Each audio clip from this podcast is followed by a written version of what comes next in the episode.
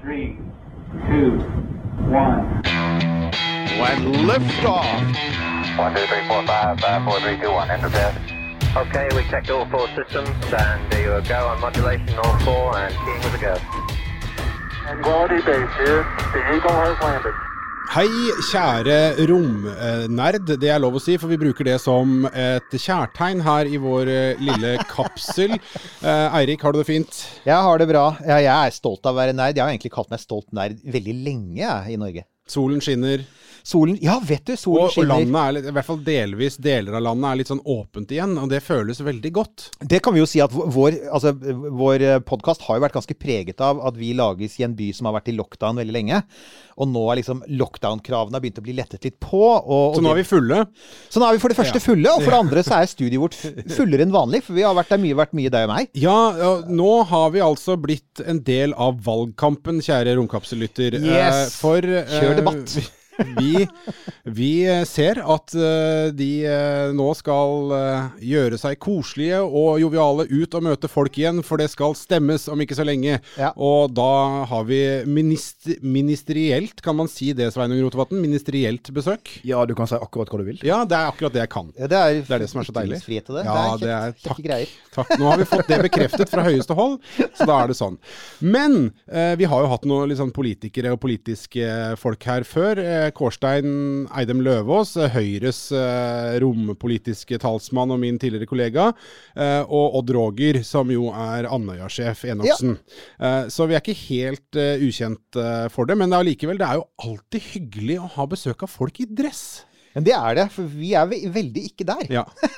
Ja, men det er ikke det at jeg er så jækla glad i å gå i dress hele tida, men det siste jeg gjorde før jeg kom hit, var at jeg var på Slottet, på statsråd. Um, og da okay. må vi gå i dress. Ja. det må man. Og, og her føler man seg jo mildt beæret her. Så, så dette er eh, Vi skal ikke be deg si noe som helst om hva som ble sagt på det møtet. Det er skal kort vei fra kongen til oss. Det er bare det, la oss si det sånn. det, det, vi kan si at vi har, vi har nå liksom nådd et nytt nivå her, Nils Johan. Altså, og vi har faktisk snakket med direktøren i ESA, så, så ja. Ja, dette altså, det er ikke så stor forskjell i den forstand at det er jo hyggelige folk som sitter i lag og snakker, men det er mye bedre stoler her enn på Slottet. Det kan jeg si. Ok. Det er- Men altså, men altså, så uten å avsløre noen hemmeligheter, det var ikke tilfeldigvis noe romfartspolitisk som ble drøftet på, ved, ved, i Kongens råd i dag?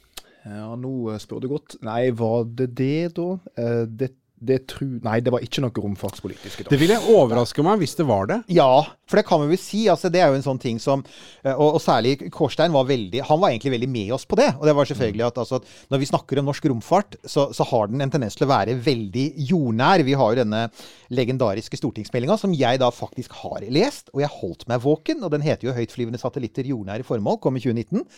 Altså, Den er veldig klar og tydelig på hva som er Norges liksom sånn, hva som er Norges uh, rolle, og hva som er Norges ønskemål og behov i romfarten. Men som sagt, uh, vår venn Kårstein han var enig i at den, den var nok kanskje litt tørr. Høytflyvende satellitter, jordnære formål, jo. Ja, det det er veldig der. typisk sånn eh, stortingsmeldinger og NOU skulle ha en sånn fiks tittel. Ja, Men eh, den slår for så vidt ikke den beste som vi hadde for et par år siden, og det var fra um, Justisdepartementet. Og det handler om gravferdsforvaltning. Og den heter Lik og likskap. ja nemlig! Ja, der har de det. Og der er noen i en eller annen kommunikasjonsavdeling som har sittet og kost seg. Men- og, og tenkt sånn Er det innafor? Er det Kan vi eh, ja, OK, vi prøver. Og det beste med det, for da tilbake til det forrige vi sa, er at når du skal levere en sånn stortingsmelding, så skal du jo også ta den via kongen på Slottet og lese opp tittelen før den blir fremma. Akkurat. Altså ha, og det, og da, da, da er det sånn jeg liksom får tenke meg sånn at man da har et, man har et publikum man tester på. Det er veldig vanlig. Man har et Ja. Så her har du da virkelig et sånn reaksjonspublikum. Ja, ikke sant? Så. Men, men, men Sveinung, altså det er sånn, dette er jo tross alt altså, Dette er en ganske sær og det er en ganske nerdete podkast. Det veit jo du. Uh, for det, det, jeg veit at du er klar over oss. Og det jeg tenker, da, er uh, jeg, jeg antar at altså midt oppi, Selv om det snart er valgkamp, og sånn, så, så antar jeg at det er ikke din hovedmotivasjon. Jeg antar at det rett og slett er din genuine interesse for dette fagfeltet. Er det ikke det? Som har, eh, gjorde at du faktisk inviterte deg selv, for det gjorde du jo. Ja, det gjorde jeg. Og grunnen til det var at jeg er jo fast lytter av podkasten deres, og har vært det siden starten. Eh, og følger godt med, og syns dere er veldig flinke og rause og hyggelige. Med, Tusen takk. med unntak av den ene episoden jeg da hørte for litt siden, der dere kom med en eller sånn klagesang om at dere syns norske politikere var altfor lite interessert i romfart. Ja, og da, reagerte, Altså, det og da stemmer. reagerte jeg spontant og Ja. sendte en melding til deg, Erik, og sa at jeg er interessert i romfart, Ja. og jeg kommer gjerne for å vise det. Og, og vi viste da og sa ja, men så flott, det er glimrende. Men du, en sånn ting. Altså, vi, det, og det er jo litt sånn når vi har folk som ja, Uansett nesten hvilke gjester vi har, men vi er ofte litt sånn nysgjerrige på Altså, Hvordan ble du interessert? For saken er dette er Norge, og det, altså, Norge skiller seg fra USA i det med at i USA er dette nasjonalstolthet, og det er museer og monumenter overalt. I Norge er det fremdeles en litt sånn Sern Eide-greie. Det får vi bare erkjenne. Vi er ikke Norges største podkast, for å si det sånn.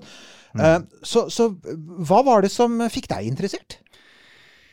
Ja, det er vel en sånn ting som jeg føler jeg alltid har vært interessert Ja. i. Uh, og det er klart det er nok for oppveksten, selvsagt. Altså, det er mye film, ikke sant. Og det fiksjon, og jeg syns det er veldig spennende. Eh, men også at jeg husker hjemme så hadde vi jo fast abonnement på, um, på illustrert vitenskap. Eh, Det la seg med stor glede når jeg vokste opp som ungdom. Og der sto det ganske mye om romfart. Det gjorde det faktisk. Ja, men nå må du eh, forsiktig nå ikke hisse deg opp, Erik. Nei, jeg skal ikke gjøre Nei, det. bare la det ligge. Bare aksepter at Sveinung Rotevatn likte å lese illustrert vitenskap. Ja, ja, ja, ok. altså jeg føler at som 12-13-åring så må det være lov. Selv om jeg, ja, ja, selv om jeg også innser at det er, det er ikke forskningsartikler. Uh, nei, står og der, ba, altså. bare for å si det sånn, Den viktigste grunnen til at jeg er sur på dem, er at de aldri ba meg om å skrive for dem. Så ok, der, der, er, da har vi det ute, Altså er vi ferdig med den saken! Ja, nettopp. Nei, men jeg kan si at jeg har liksom alltid vært, uh, alltid vært veldig interessert. Mm. Um, men jeg har nok eh, tenkt litt på det at jeg tror nok jeg er mest interessert i et sånt, hva skal vi si, et, et menneskelig perspektiv. Mm. Fordi jeg er jo jeg er ikke liksom eh, realist og aldri vært sånn ekstremt interessert i fysikk og matte og sånne ting. Så, så liksom det tekniske rundt hvordan en bruker drivstoff for å komme i bane sånn og sånn, det er liksom ikke der interessen har vært. Søren heller. Nei da. Men, nei, men jeg har vært på den andre siden enormt interessert i sånn um, Hvordan kan vi leve på Mars? Hvordan er det å være isolert ute i rommet i månedsvis eller årevis? Eh, alt som handler om andre vesen i rommet. Altså liksom, Den typen ting har jeg alltid vært ekstremt fascinert av. kjenner jeg meg veldig igjen i, den biten der. For at, som du sier, akkurat det der, det, alle de tinga som Eirik eh, forstår og syns er veldig gøy. Altså, Eirik sa en gang at han hadde lest eh, flere bøker om sveising av drivstofftanker. Ja, ja, ja. Men det er jo Eh, ikke sant? Og det er sånne ting. I, i, og min reaksjon var ja, vet du hva, det overrasker meg ikke et eneste sekund. Nei, nei. Men jeg kunne aldri gjort det. Nei. For den, men den, det jeg stadig kommer tilbake til, er den, den følelsen.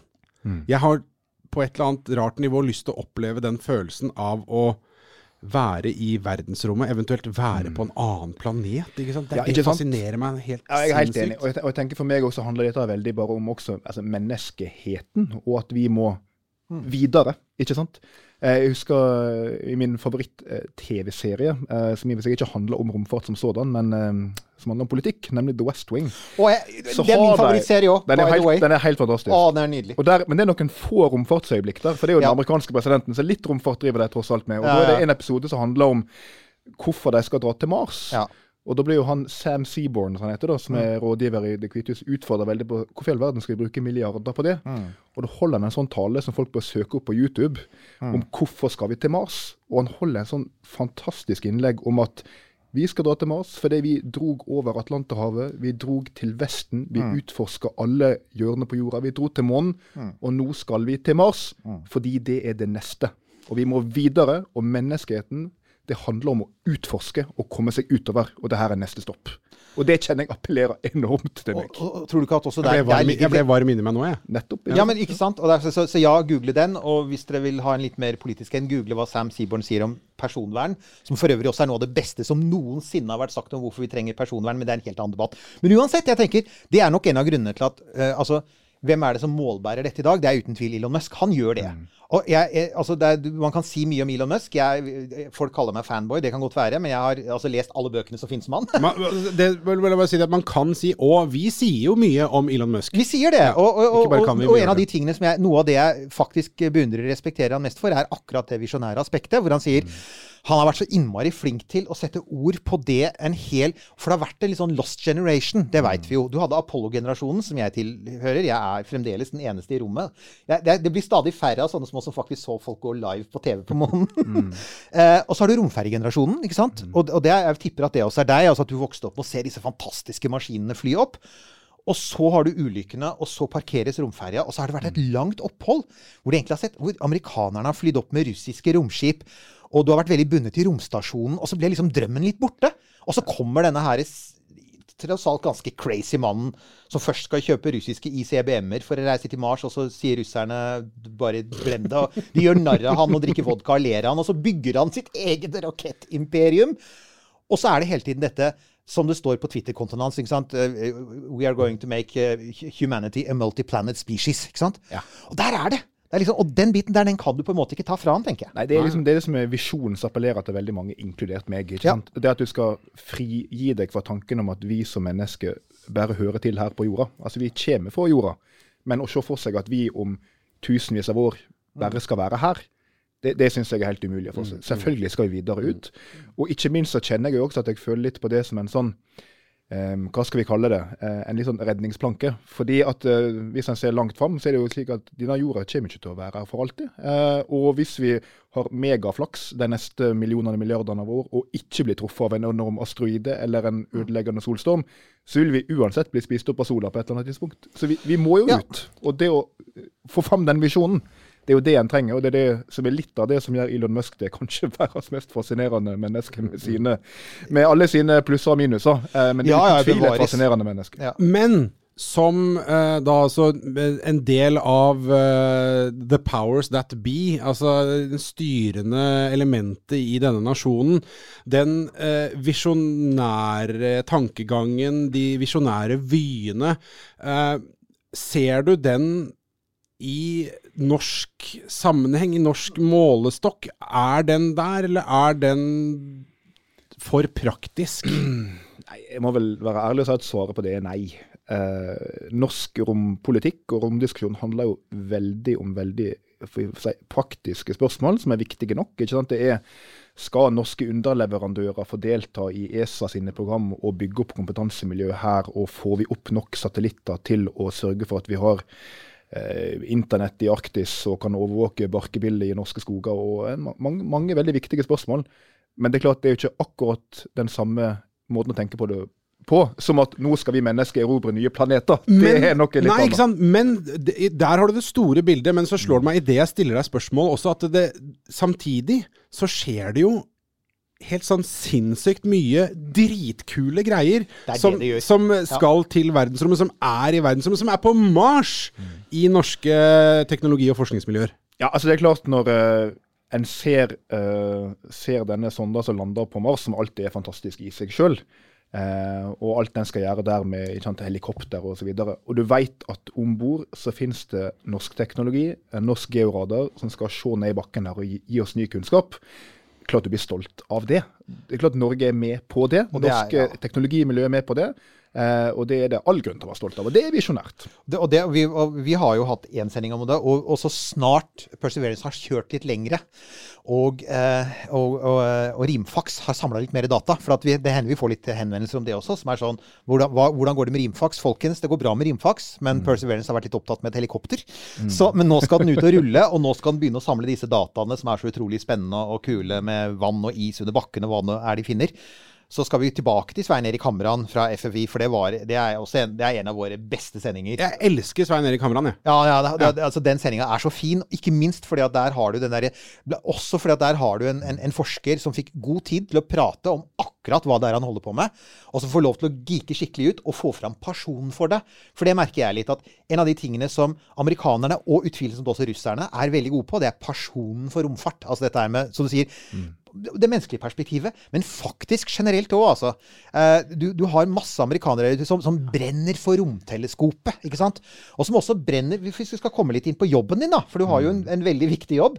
Som faktisk også Jeg følger jo veldig mange amerikanske romforskere på Twitter. Amerikansk romtwitter og russisk romtwitter er liksom sånn mine favoritt-Twitter-kontoer. Eh, og der har du blant annet så, også nå veldig mange som f.eks. brenner for jordobservasjon. Altså alt det utrolig viktige som Og jeg må ærlig innrømme, det er, det er litt sånn mea culpa fra vår side. Vi, vi, vi, vi, har, vi går ofte etter det som er kult og spennende. Og så har vi av og til ignorert lite grann noen av disse ja, jordnære tingene. Og én ting som vi har fått litt pes på av noen av våre lyttere, det er hvorfor snakker dere ikke om Det fins norske satellittprosjekter, det kan vi komme tilbake til. Men også disse praktiske applikasjonene som tross alt, når det kommer til stykket, kanskje er mye viktigere for vårt hverdagsliv da, enn om noen drar til Mars om 50 år. Og et av det er kli, klima og miljø. ikke sant? Der er, det, der er satellitter utrolig viktige. ikke sant?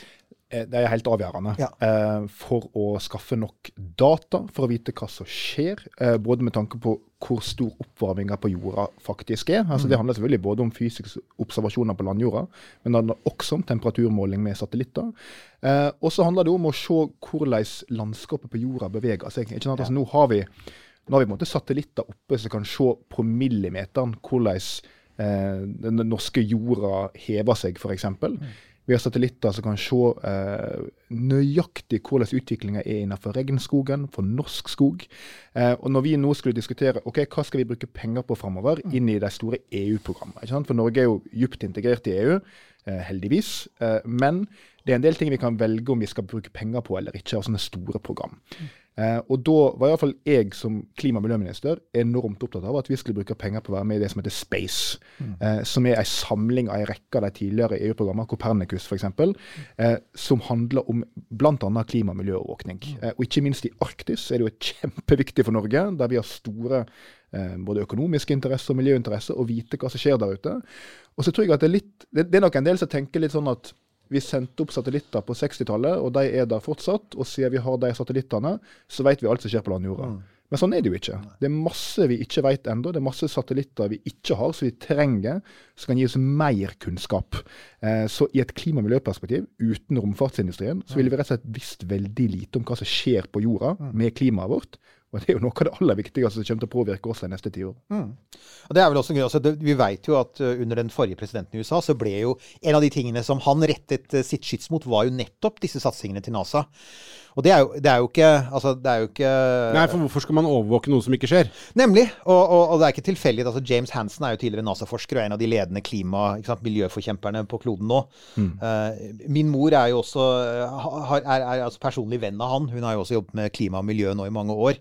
Så, så, jeg, har sett, så jeg har jo sett noen av e-mailene som han sender. Han er apropos pasjonert. Men ikke sant? Så, så det er jo, det har jo NASA har egentlig vært tett bundet opp til dette her siden 1970-tallet, de. Og, og lenge før det havnet på den på det, før det ble vanlig å snakke om det på den politiske dagsorden, så var de allerede i gang med å forberede seg på nettopp sånne ting. Altså. Så uh, jeg pleier å si mitt favorittprosjekt, da. Uh, sånn sett er jo Landsat-prosjektet. ikke sant? Disse her amerikanske jordobservasjonssatellittene. Første ble sendt opp i 1972. Det er snart 50 år siden. Nå er de oppe på nummer åtte. Og, og de har altså, Det betyr at vi har begynt å få sånn tidsserier. ikke sant? Vi har begynt å få ganske god oversikt over 50 år. Og de fotograferer jorda ikke bare med vanlige optiske kameraer, men med ulike sånn spektralområder, infrarødt og sånn. Som du sier, jord, skog, is. Og bare for å nevne helt konkret eksempel på hva vi kan se med Landsat. Aralsjøen. ikke sant? Det store ha- innlandshavet i Russland, tidligere Sovjetunionen, som nesten er blitt borte. Og Landsat viser det. Den, den viser hvordan den sjøen nærmest forsvinner fordi sovjeterne begynte å Ja, det var mye mislykket politikk. Men det er jo et innmari godt eksempel på nettopp altså hvor viktig disse er. ikke sant? Ja, absolutt. Og vi har jo også um, f.eks. satellitter som observerer uh, utviklinga med isbreene våre. ikke sant? Ja. Kopernikus gjør det. Og noe av det kan vi jo se med det, det blotte øyet. Altså, jeg husker I, i ungdommen så var jo jeg uh, turistguide og guida turister opp til breer på Vestlandet for at jeg skulle se på dem. Dette er jo noen av de største attraksjonene vi har. Fantastisk. Og jeg kunne jo se med det blotte øyet fra sommer til sommer at breen krymper, faktisk. Altså, det sier jo noe om hvordan klimaendringene har kommet. Men det var jo bare en del av det. Det du ikke kan se med det blotte øye, er jo hvor djup er breen, hvor stor er massen, og hvor masse krymper den. Og Det ser vi nå med satellitter. Og det vi ser er jo dessverre ikke noe å bli veldig optimistisk av, for det her smelter det raskt. Eh, og det er jo et problem i seg sjøl, og det er selvfølgelig et problem for norsk reiselivsnæring, men det er jo først og fremst en indikator på hvor alvorlige klimaendringene er. Og de som har jobba mye med det her både i NASA og andre plasser, eller her hjemme i Norge, de som jobber med vær, altså Meteorologisk institutt, som er noen av de fremste på dette her, som jeg også har ansvaret for som, som, som statsråd, ja, det de forteller oss om utviklinga i klimaet på jorda i Norge, er jo til å bli helt vettskremt av. Eh, og det burde eh, mange flere bli. Det får være dagens politiske appell. Ja, jeg er hjertens enig. Så nei, jeg bare nei, ikke send opp satellitter, for da får vi vite mer, og så blir det bare fælt. eh, Ja. Nei, nei. Det var litt, dra til Mars, det dra til Mars. det var litt det han der eh, oransje fyren mente. Jo mindre du vet, jo bedre er det. Ja, ja, ja. Og å, da kan man bare Ignorance is bliss. Ja, ja, ja, ja, ja. Det, det er fint. Men, men altså eh, sam, samtidig som man har alle disse her helt sånn rent praktiske eh, greiene, eh, og som er veldig sånn ja, noe jordnære og angripelige og fornuftige, ikke sant. Eh, skulle du ønske at vi som nasjon var eh, mer gira på romfart. Altså, så, så, ta Andøya for eksempel. Nå har jo heldigvis Andøya fått bevilgninger til å kunne bygge et anlegg og kunne bli en aktør innenfor liksom, smålsatt eh. Men, men der, det har jo vært litt sånn ja, hva skal man si, litt sånn eh, flaue fiser i mange år på Andøya. Men det, det kunne jo vært altså Hvis Norge hadde tenkt ja, fy fader, vi skal, dette her har vi en unik posisjon, vi har en mulighet. Kunne vi ikke satsa på dette her, så kunne det vært det det nå snart blir for lenge siden. Jo, eh, det kan du si. Eh, nå skal det jo at nå skjer det ganske mye på Andøya, og vi bruker ganske mange milliarder egentlig på å bygge opp eh, mulighetene der. Så det, det er egentlig ganske store penger som nå blir brukt. Men, men du har helt rett, Nils Johan, i at her kunne en selvfølgelig ha vært enda mer på tidligere. Eh, og kanskje kunne en gått enda lenger. Altså Jeg skal jo innrømme at hvis dere treffer på meg eh, veldig seint på kveld, langt ut på et nachspiel, der du er djupt nede i glasset, eh, og spør meg hva er det du mener politisk som du ikke kan si høyt, så hadde jeg kanskje sagt at jeg mener at vi burde kanskje brukt litt av oljefondet på å lande på Mars. Vet, du, OK. For, for jeg, Ja. det, jeg mener det kanskje ikke er seriøst, men jeg tenker liksom OK, her sitter vi med helt enorme økonomiske ressurser, så vi har tjent eh, i, som en heldig generasjon. Ja. Kanskje skulle en etterlatt seg noe til ettertid som ikke bare er et trygt pensjonsfond, men også gå videre enn det. Det interessante er at De forente arabiske emirater, som i så måte er litt lik Norge, de gjorde nettopp det. De Ja, sendte jo ja, Hope-satellitten. ja, ja. Så jeg, jeg, jeg, altså, jeg må jo si, her må vi bare ta det. altså Jeg har jo ehm, jeg har jo holdt mye foredrag for politiske ungdomsorganisasjoner. Og der, i de organisasjonene, der er jo det synspunktet ganske heftig representert. Og, og de er ofte opptatt av denne inspirasjonseffekten. For at de ser f.eks. hva Christer Fuglesang og Andreas Mogensen, eh, den danske astronauten, som vi for øvrig nå forsøker å jobbe for å få i studio. Det kan vi si her. Det kan vi si. Vi jobber nå hardt. Vi er i kontakt med ESA, og de prøver å få Andreas til å være med på en sending hos oss. Og så blir den store utfordringen å forstå hva han sier. Men, men inspirasjonseffekten, den, den er folk opptatt av. Og jeg har altså sett Christer Fuglesang eh, på, på en scene i Stockholm på en sånn sommerfestival, og du bare ser så OK, det er rockestjerne. Så, i, i, så i Sverige er det ingen tvil om at det har en effekt. Det morsomme er jo at akkurat det med mennesker til Mars burde være et politisk mål. Ja, det har jeg også hørt fra politiske ungdomspolitikere, og det, det var vel faktisk fra Unge Venstre, som er en ekstremt nerdete organisasjon. Det vet jeg, jeg har erfaring med. Skal jeg love deg det, Erik, at På et av de første møtene mine i Unge Venstre, da jeg var ganske fersk, så var det noen som hadde fremmet en politisk resolusjon. Det er jo det, sånn en vedtar politikk i et parti. da. Og fremme en politisk resolusjon om at vi måtte ha et krafttak for å rydde opp i romsøppel. Jeg hadde aldri hørt begrepet romsøppel i hele mitt liv, for det visste jeg ikke hva var. Men så begynte jeg, begynte jeg å forklare dette, og jeg tenkte ja, det er jo et kjempeproblem. Det bør vi sikkert bruke et eller annet ressurs på å få ordna opp i. Og det er jo faktisk det. Det verste av Vi alt er har sant. nettopp hatt en episode om akkurat romsøppel, Ja, og, det er jo det, og det er jo et problem som ikke kommer til å bli mindre. Nei, og vi har jo da et visst diktatur som bare har funnet ut egentlig å vise hele jorden en viss finger og si vet hva vi gjør hva vi vil med det vi dumper fra verdensrommet. Har tydeligvis tenkt å sende opp to sånne til til neste år og egentlig gjøre som de vil. Men det har vært veldig nyttig i den forstand det har vært en påminnelse om at ja, det er Så ja, jeg, jeg, tenker, jeg tenker jo noe av det samme. Jeg tenker at og, og en av de fascinerende tingene som selvfølgelig holdt på å skje nå, er at i disse dager så er det er er, begynner å dukke opp noen muligheter som ikke fantes der før. For vi har jo snakket mye om dette med astronautsøknaden til ESA. Og nå er fristen gått ut, folkens. Nei, de har forlenga den. Har de det? De har forlenga fristen, så nå den, går den ut til 18. juni, hvis jeg ikke 2021. Det kommer litt an på Hvis du hører dette her eh, om lenge, så har jo fristen gått ut for lenge siden. Men jeg tror nå, altså mener å huske at den ble eh, utsatt til 20, 18. juni eh, 2021, eh, fordi det kom ESA fikk et nytt medlemsland. Var det ikke sånn det var? Eh, mener hva? jeg å Det huske jeg har fått med meg. Å, glimrende. Nei, dette er jeg da ikke Så fått med meg. Så Sveinung, det er ikke for seint. Har du mastergrad, Jeg har mastergrad. Ja, men da er da det kan du søke. Ja, og du veit jo at uh, du har jo uh, Altså, den nåværende NASA-administratoren, Bill Nelson, han har jo vært i rommet på romferja.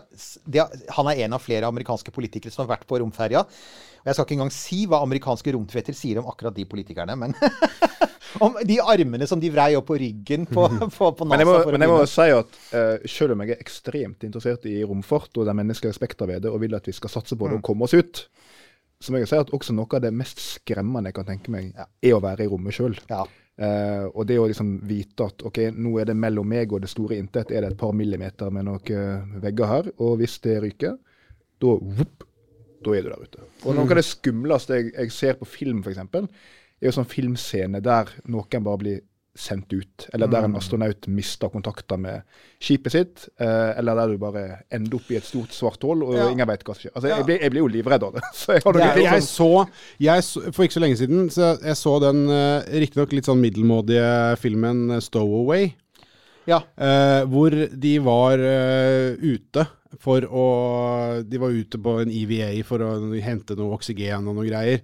Eh, hvor de uh, klatra langs noen vaiere, og og hvor de helt sånn tydelig ikke var festa til farkosten. farkosten. Og da så sitter du der med en sånn derre Tenk hvis de mister grepet nå. Da er du fucked. ja.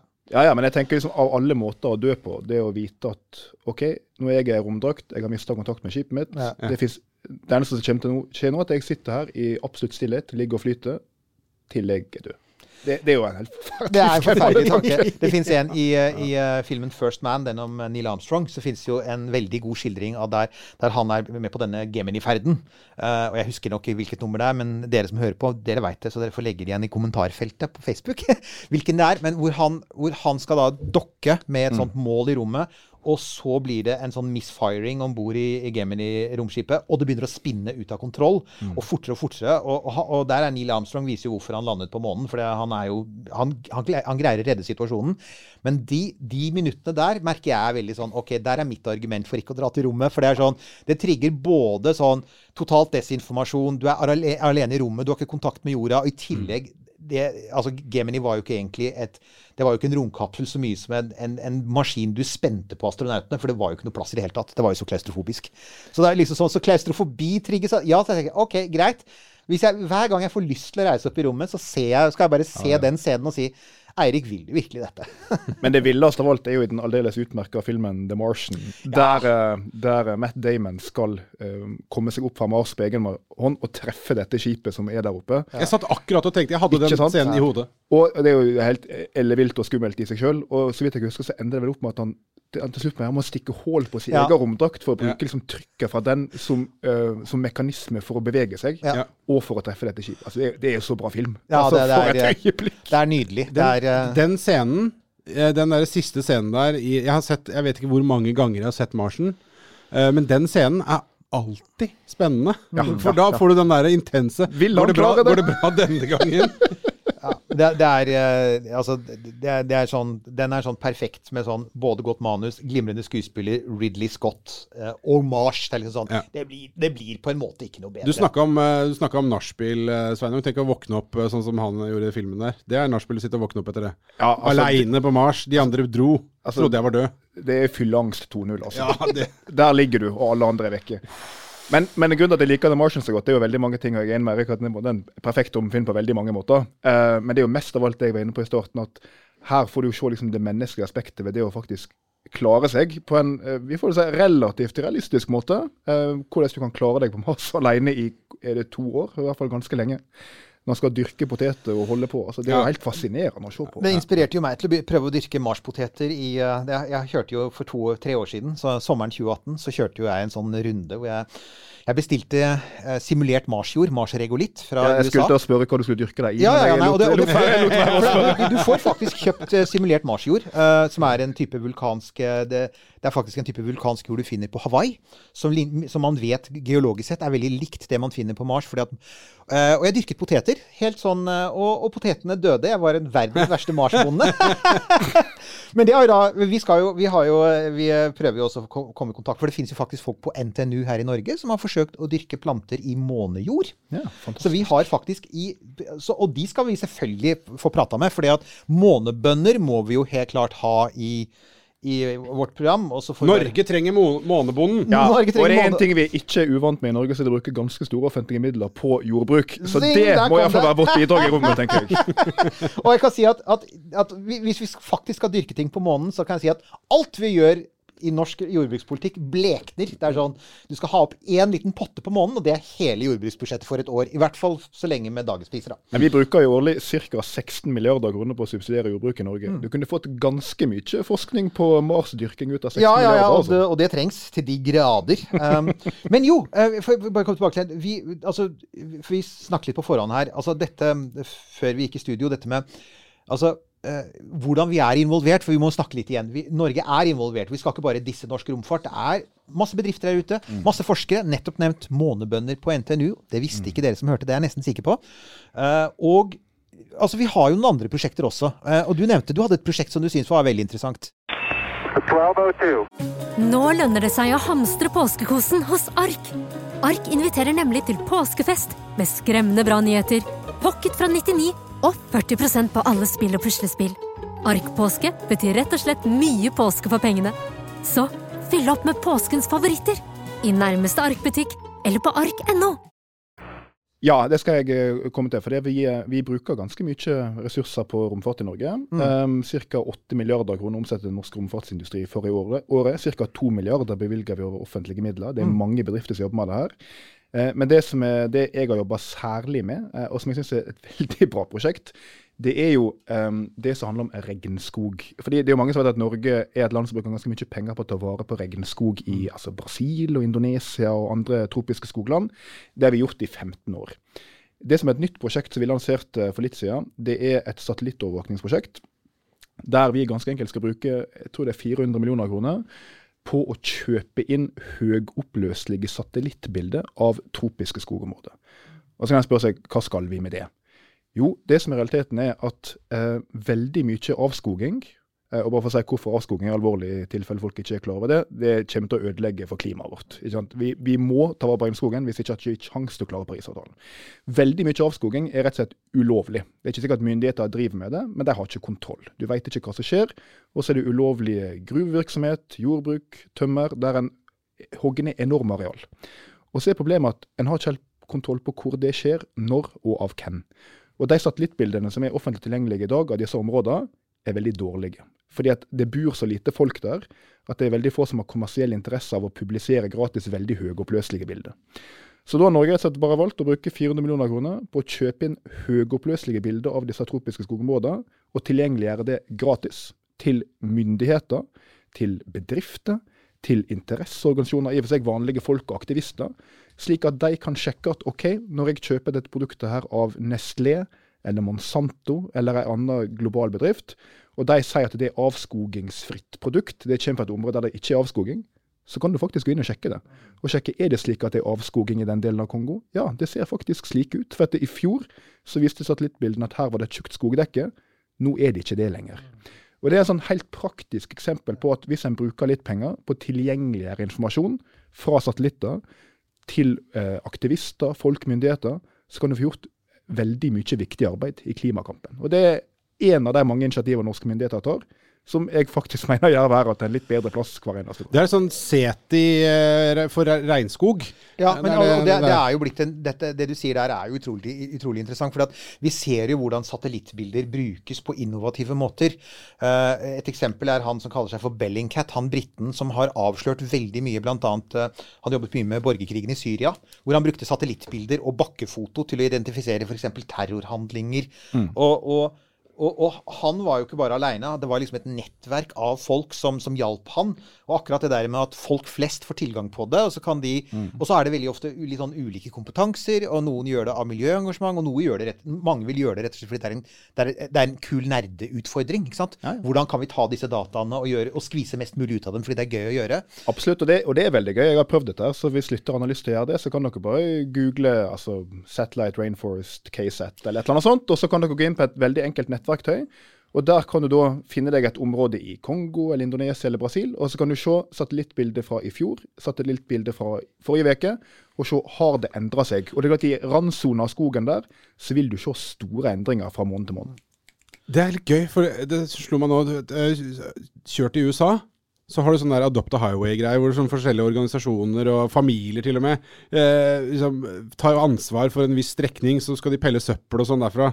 Samme greia. Da kan, eh, kan eh, din lokale bedrift eller eh, gaminggjengen din eller hva som helst kan adoptere et lite område, og så kan dere overvåke det og følge med på å sjekke at regnskogen eh, får lov til å stå i fred der. Så bare si at vi, vi, vi skal prøve å finne lenken til den, for vi har jo en, vi har en blogg hvor vi pleier å legge ut shownotes. Så Mm. vi skal, da skal vi få la- lagt ut noen lenker. Da skal vi prøve å huske på det. Notere oss det, Nils Johan. At Vi eh, oss det det bak der øret. K-satt uh, regnskogsverktøyet, Ja. det, Mm. det må med. Nei, men det, er jo, det, er et, det er jo et veldig godt eksempel på nettopp Ikke bare på hvordan du uh, og der har jo det må vi si, der har jo faktisk NASA vært pionerer. Og jeg har vært veldig fascinert av akkurat det. Hvordan NASA endte opp med å bli, bli sånn at de faktisk stort sett gir bort dataene sine, for det gjør de jo.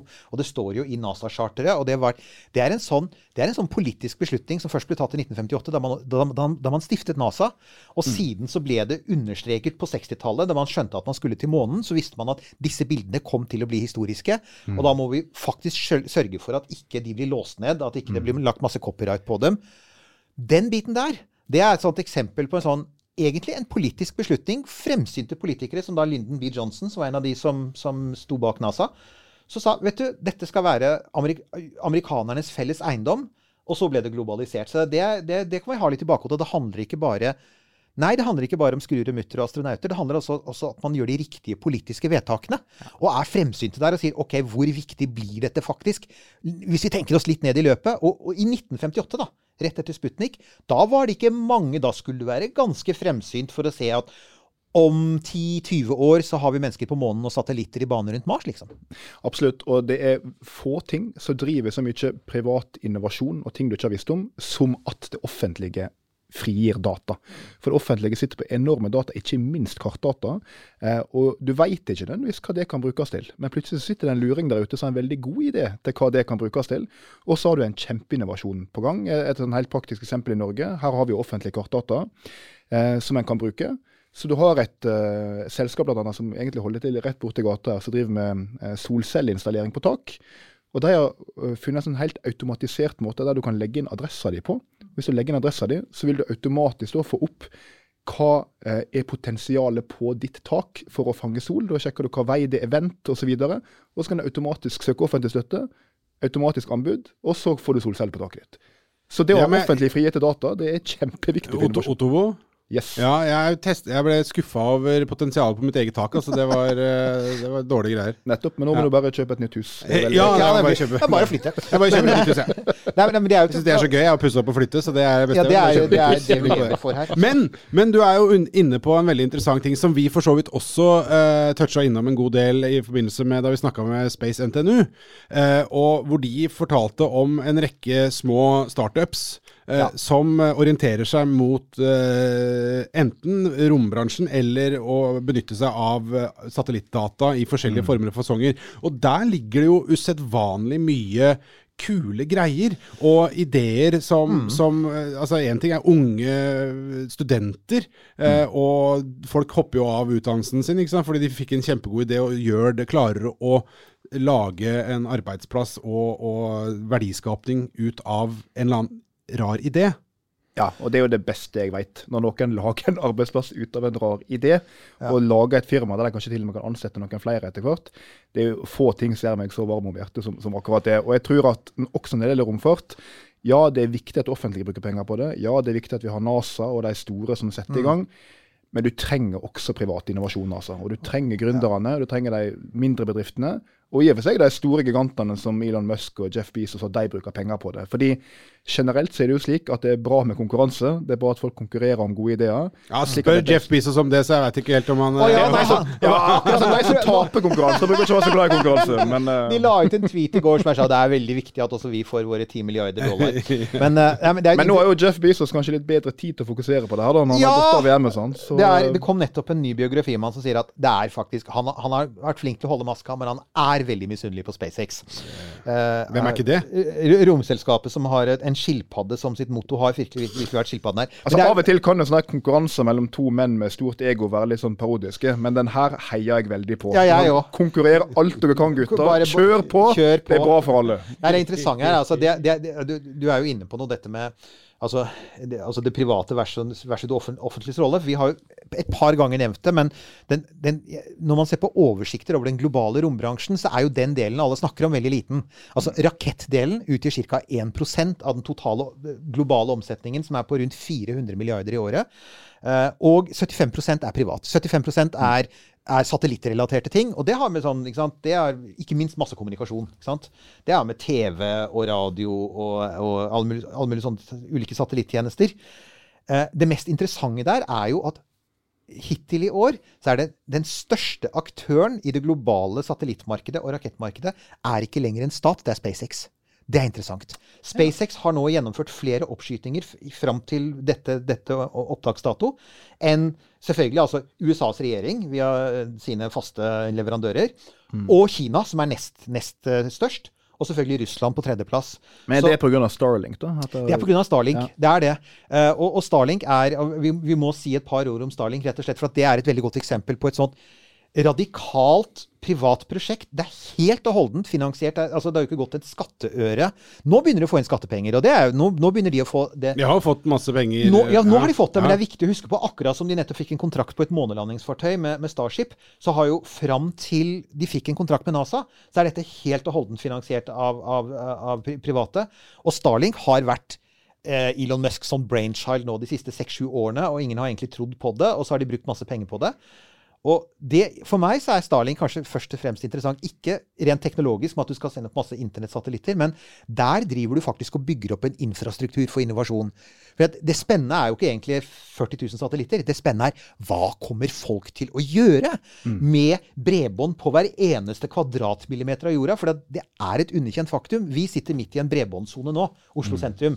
Mesteparten av kloden har ikke bredbånd. Og vi, glem, vi, vi, glemmer, vi glemmer det så lett. Jeg begynner å få litt uh, den samme gufne følelsen av Starlink som jeg uh, fikk når vi holdt på med DAB. Uh, fordi, nei, men for, forklare Ja, ja. kort, for, jeg må bare for forklare kort, fordi at norske myndigheter vi har jo brukt veldig mye penger de siste årene på å bygge ut bredbånd Ja. i distriktene og i hele Norge. På samme måte som vi på et tidspunkt brukte veldig mye penger på å bygge ut DAB. Ja. Og plutselig så viste det seg jo at dette med DAB det var ikke så interessant lenger, for folk brukte nettradio. Og hvis det nå viser seg at de har bygd ut enormt bredbånd rundt omkring, og plutselig så kommer Elon Musk og sørger for verdens beste internett i alle distrikt overalt, så, så er det kanskje litt den der samme feilinvesteringsfølelsen jeg sitter igjen med. da. Men eh, det er ikke et argument mot. Det er kjempebra at han gjør det. Jeg, Ja, ja, ja. jeg, vet du hva, jeg er så glad for at nå opptil flere ganger så sitter du så godt tilbakelent her, Sveinung Rotevatn, at du har stukket hånda di inn i opptil flere vepsebol. Eh, og så har vi bare latt det gli. Yes, det Ja, liker ja, jeg. Det er, så, det er godt. Takk. Ja, veldig bra. Ja, men Jeg- jeg- jeg åpenhet er viktig, er ikke det? Ja. Jo, men jeg det har vært, det har vært norsk. EU-medlemskap, Ja. det har vært norsk jordbruk, eh, og DAB-debatten. sitter i det, Du, det, det lokalet er- her og snakke om det, er jo også gøy. Eh, nei, det er bra! To, Jeg vi, liker det. når vi først er i gang, så vil jeg si at vi er jo en vi er jo, Og det vet jo du, vi er jo en eh, Kanskje den eneste norske podkasten som er veldig for kjernekraft, selvfølgelig. For Ja, uten, rom, uten kjernekraft har vi ikke egentlig noen romfart utafor Mars. Så det er, så det, er- det er det også sagt, folkens. Men da, la meg bare få lov til å fortsette den der bitte lite grann. For det, eh, da jeg kjørte inn til byen her i går, så så jeg at det var, de holdt på å henge opp over bruene over E18. Så hang de opp masse sånne nei til eh, vindkraft i norsk natur. Eh, og da tenkte jeg ja, men det er jo da også et ja til kjernekraft. ja, For hva annet skal du gjøre da, hvis du ikke skal ha vindmøller? Så, Nei. Har du lyst til å uttale deg litt der, eller Sveinung? Eller skal, vi, eller skal vi gå tilbake til eh, å snakke litt mer om romfart, kanskje? Nei, nei, vi skal ikke dykke dypt ned i kjernekraftdebatten, men det er klart at hvis eh, vi, vi trenger kjernekraft for å stoppe klimaendringene. Ja, det gjør er- vi. Vi, må, vi må ha det, og det er mange land som bygger mye på det. Hadde ikke de gjort det, så hadde vi vært dårligere stilt når det gjelder å stoppe klimaendringene. Ja. Men det er klart, det, jeg møter jo ganske mange sånn kjernekraftentusiaster som har så lyst til å bygge kjernekraft i Norge. Eh, og Det er klart det kunne jeg selvfølgelig gjort, men det er jo forferdelig dyrt. Det er ikke noe billigere det enn å bygge de andre kraftkildene vi tross alt har satsa på. Nei, det, det er ikke det. Og, og av det, mye av det, det vet jo jeg, for jeg, jeg har jo hørt disse folka som forsøker å bygge kjernekraftverk som skal til Mars. For det er jo, som alle påpeker, vi er faktisk ikke så langt unna nå å bygge den raketten som kan sende mennesker til Mars. Vi er veldig langt unna de fabrikkene som skal lage brennstoff, og, Mm. og energikilden til de fabrikkene. Fordi folkens, solceller won't cut it, fordi det er 40% så effektive og de har støvstormer som dreper solceller. Så, så vi kommer til å trenge kjernekraft. Og vi har ikke I USA har man i praksis ikke drevet offensiv utvikling av kjernekraft siden Three Mile Island-ulykken. Så det har ligget nede. Og, og, og Perseverance driver og kjører rundt med et kjernekraftverk. En, det er faktisk samme grunnmodell som den som brukes i Voyager-sondene. Og de ble sendt opp i 77. Så, så, det er, det er, så, så innad i NASA har det lenge vært snakket om at vi trenger jo en satsing på lette, kompakte, avanserte kjernekraftverk.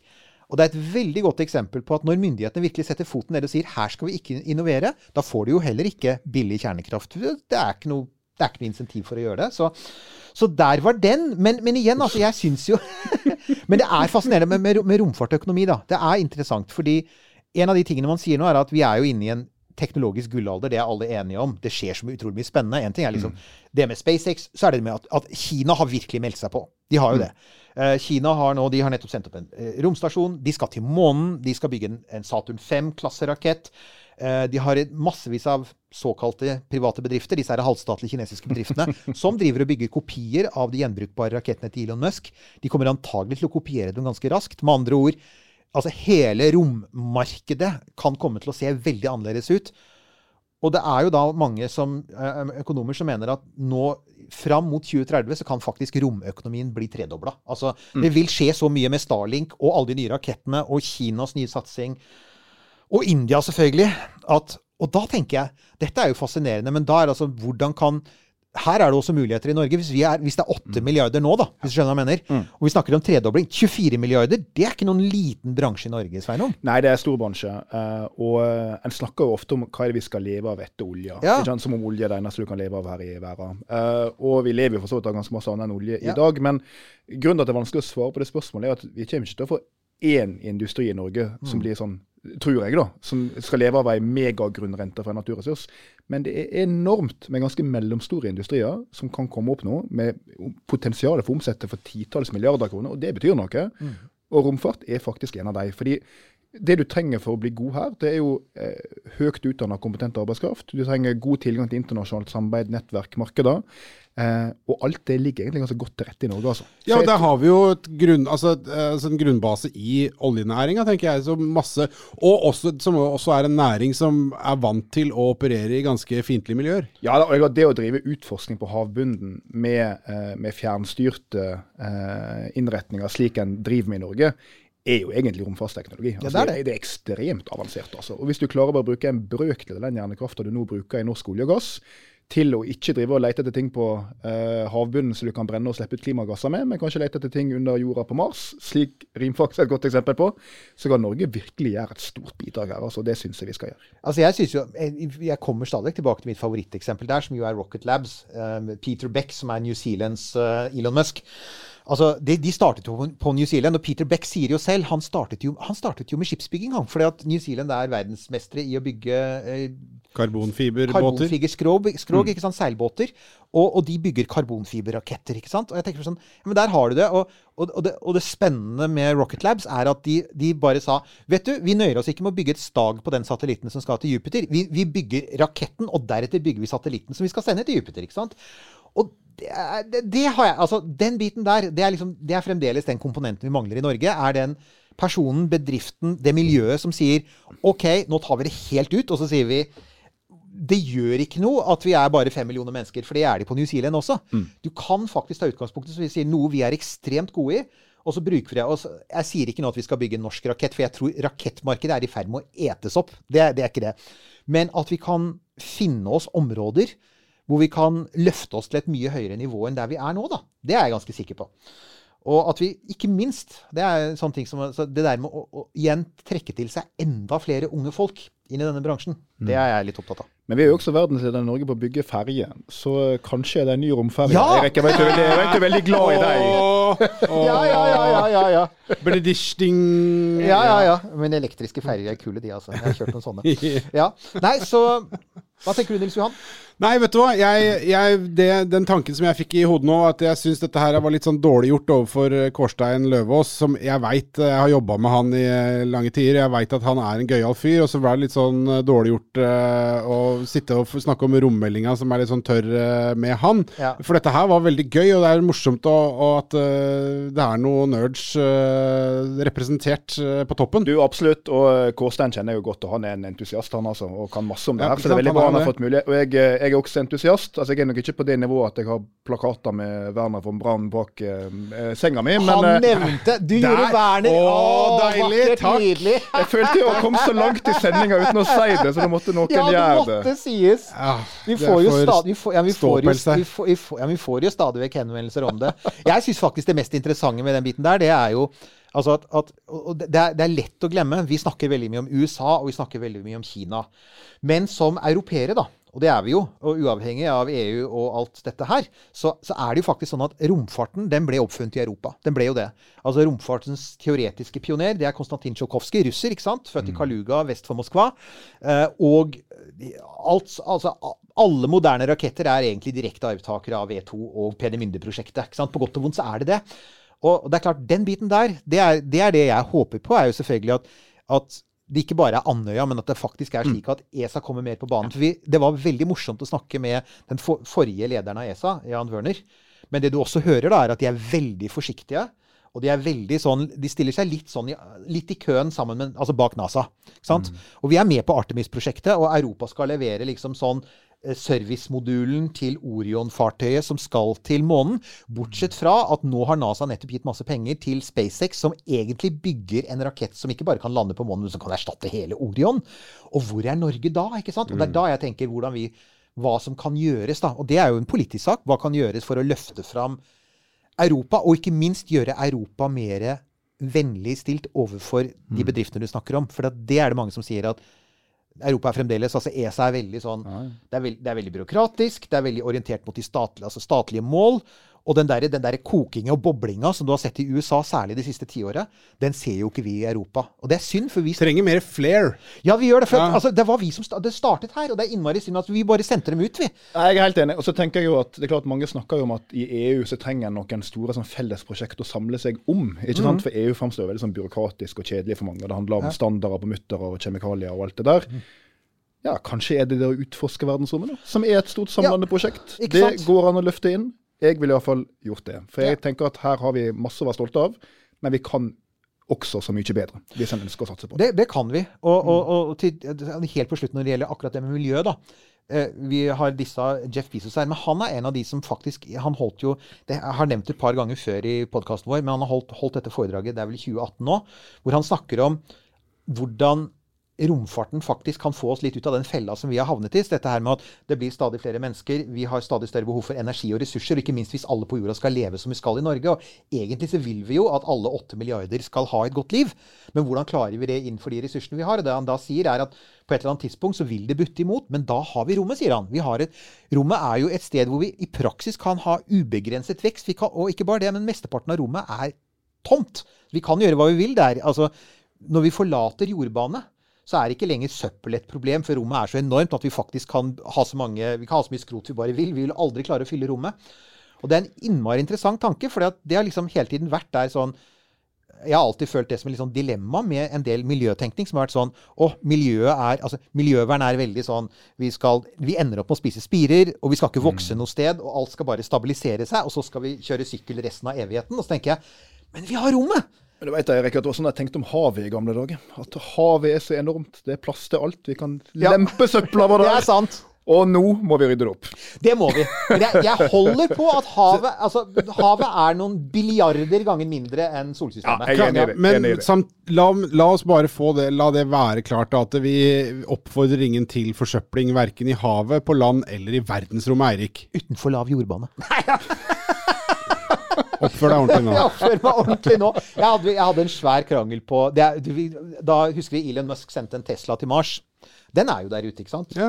Og da, jeg husker vi en, da, da oppsto det en diskusjon om det. Men han forsøpler rommet, og da var det en del astronomer som var der ute. Og der, der er astronomen som kommer inn da og sier Hvis du regner på det volumet som den Teslaen sviver rundt i, da Jeg sier ja, det er, det er ikke nål i høystaka engang. Er, Og ikke minst er det jo fint for alle norske Tesla-eiere å vite at de har vært med å finansiere det å sende en Tesla ut i rommet. Ja, og hva er vel bedre enn det? Både god miljøsamvittighet og å utforske verdensrommet. Ja. Bedre kan det ikke bli. Og, altså, og for de som er konspirasjonsteoretikere der ute, jo da, vi er også klar over at eh, de eneste bilene som kan kjøre på Mars, er elektriske. Og ja, jeg har sett så mange Cybertruck, uh, sånne, sånne tegninger av den neste trucken til eh, Tesla.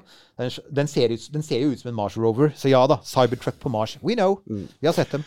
Dette har vært uh, strålende. Eh, minister altså der på besøk. eh, statsråden sjæl, uh, Sveinung Rotevatn, i dress som seg hør og bør på en fredag rett fra statsråd. Det er kort vei fra romkapsel til kongen. Eirik, eh, si takk for oss. Det skal jeg gjøre. og bare sånn Helt på tampen her, selvfølgelig. altså Hvis det skulle være noen andre der, andre der ute noen virkelig, Nå har vi, nå har vi jo fått høre av Sveinung Det, det fins faktisk en del skikkelige romfartsnerder uh, ute i, i politikken. Nå har vi altså to fra regjeringssiden uh, som er representert, og så har vi en sånn halvveis fra opposisjonen, men han er ikke aktiv lenger. Så det er klart, hvis det er noen fra opposisjonen der ute som virkelig kan romfart og er nerdete, ja, men vi er altså Vår dør er åpen. Vi snakker gjerne mer om Werner von Braun med dere også.